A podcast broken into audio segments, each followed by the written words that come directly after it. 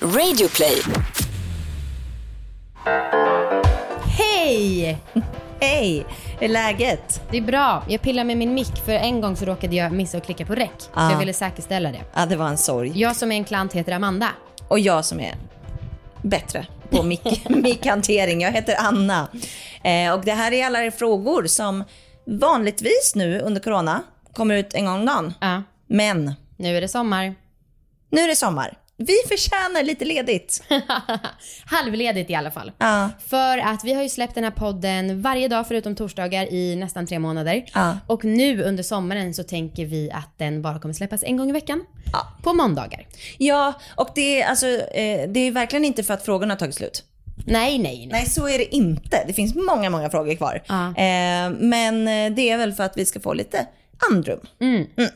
Det blir Hoppas jättebra. att, eh, ni, eh, in, att ni inte blir alltför ledsna. Nej men och är det inte perfekt lagom? Måndagar då hör man oss med en fråga, torsdagar då hör man oss i alla våra ligg. Ja. Alltså då är, jag tycker man är sett för hela veckan. Perfekt. Okej, men ska jag dra frågan? Dagens fråga. Okej, hej då. Hej då. Eller ja, nu kör jag. Härmappa. Jag och min partner har ett litet annorlunda sex att, eh, sätt att se på sex ibland. Han har sex som en bekräftelse från mig på att jag älskar honom. Medan jag tänker att sex mer är en rolig och skön grej vi gör tillsammans. Problemet är att när han mår dåligt, till exempel är deppig, ledsen eller frustrerad, då vill han ofta ha sex och blir väldigt frustrerad om jag inte vill det då. När han mår på det sättet blir jag oftast inte sugen på att ha sex eftersom jag vet att det kommer från att han är ledsen eller frustrerad. Vilket i mina ögon inte alls är särskilt upphetsande. Jag har lite svårt att veta hur jag ska hantera det här och skulle vilja veta om det är fler som är eller har varit i samma sits och hur vi skulle kunna jobba med det här.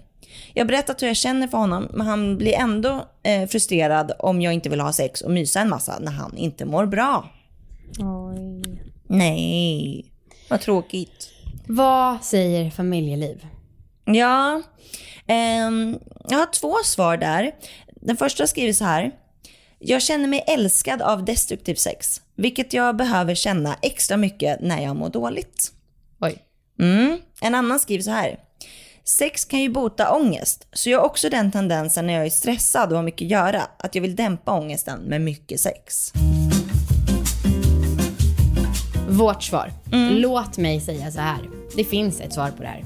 Aha. Lyssna på avsnitt 179 av alla våra ligg när psykoterapeuten Malin Drevstam gästar för hon pratar om anknytningsteori och hur det kan vara så olika att vissa har sex för just att känna sig älskade. Ja. Och hon har så många bra förklaringar och hur man kan hantera det och det är liksom ett riktigt bra avsnitt. Mycket bra tipsat.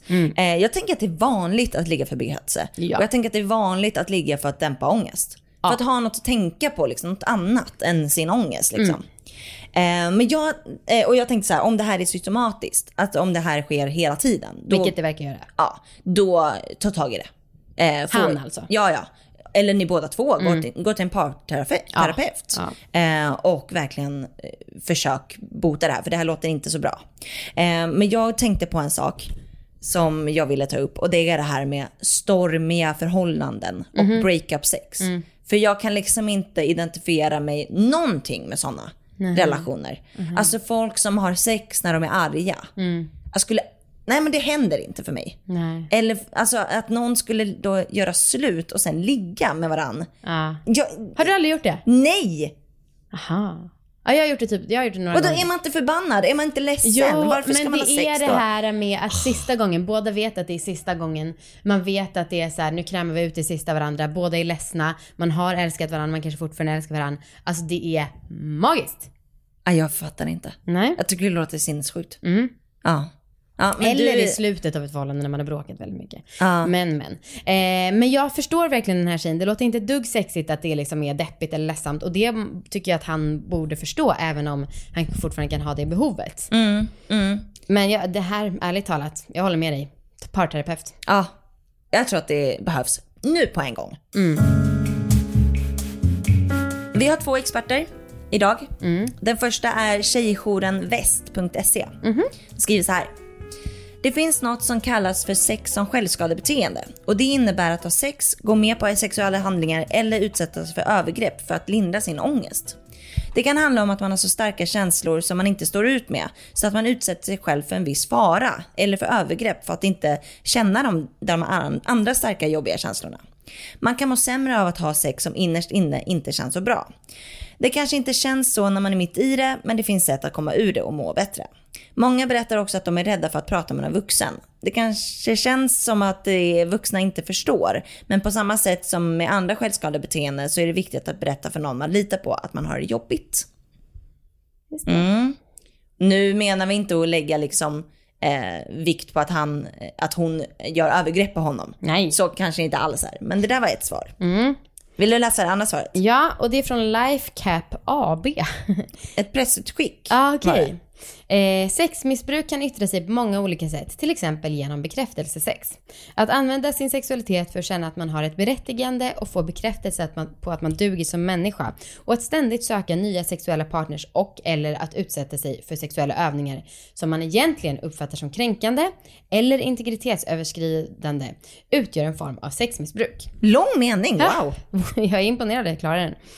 Här handlar det ofta om att den som utövar den här typen av sex har ett lågt egenvärde. Många gånger ligger det en känsla av att inte ha ett existensberättigande i botten. Före sexakten finns en viss känsla av tillfredsställelse. Men efter varje nytt sexuellt möte känner sig utövaren ännu mer tom, dålig, smutsig och eller värdelös. Sexmissbrukarens recept för att må bättre, att få en ny adrenalinkick och döva känslan av tomhet är att ge sig ut på jakt igen. För att när det är över känna en ännu större tomhet.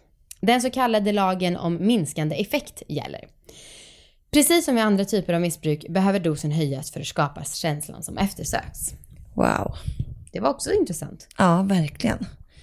Ja, eh, hoppas att ni får hjälp.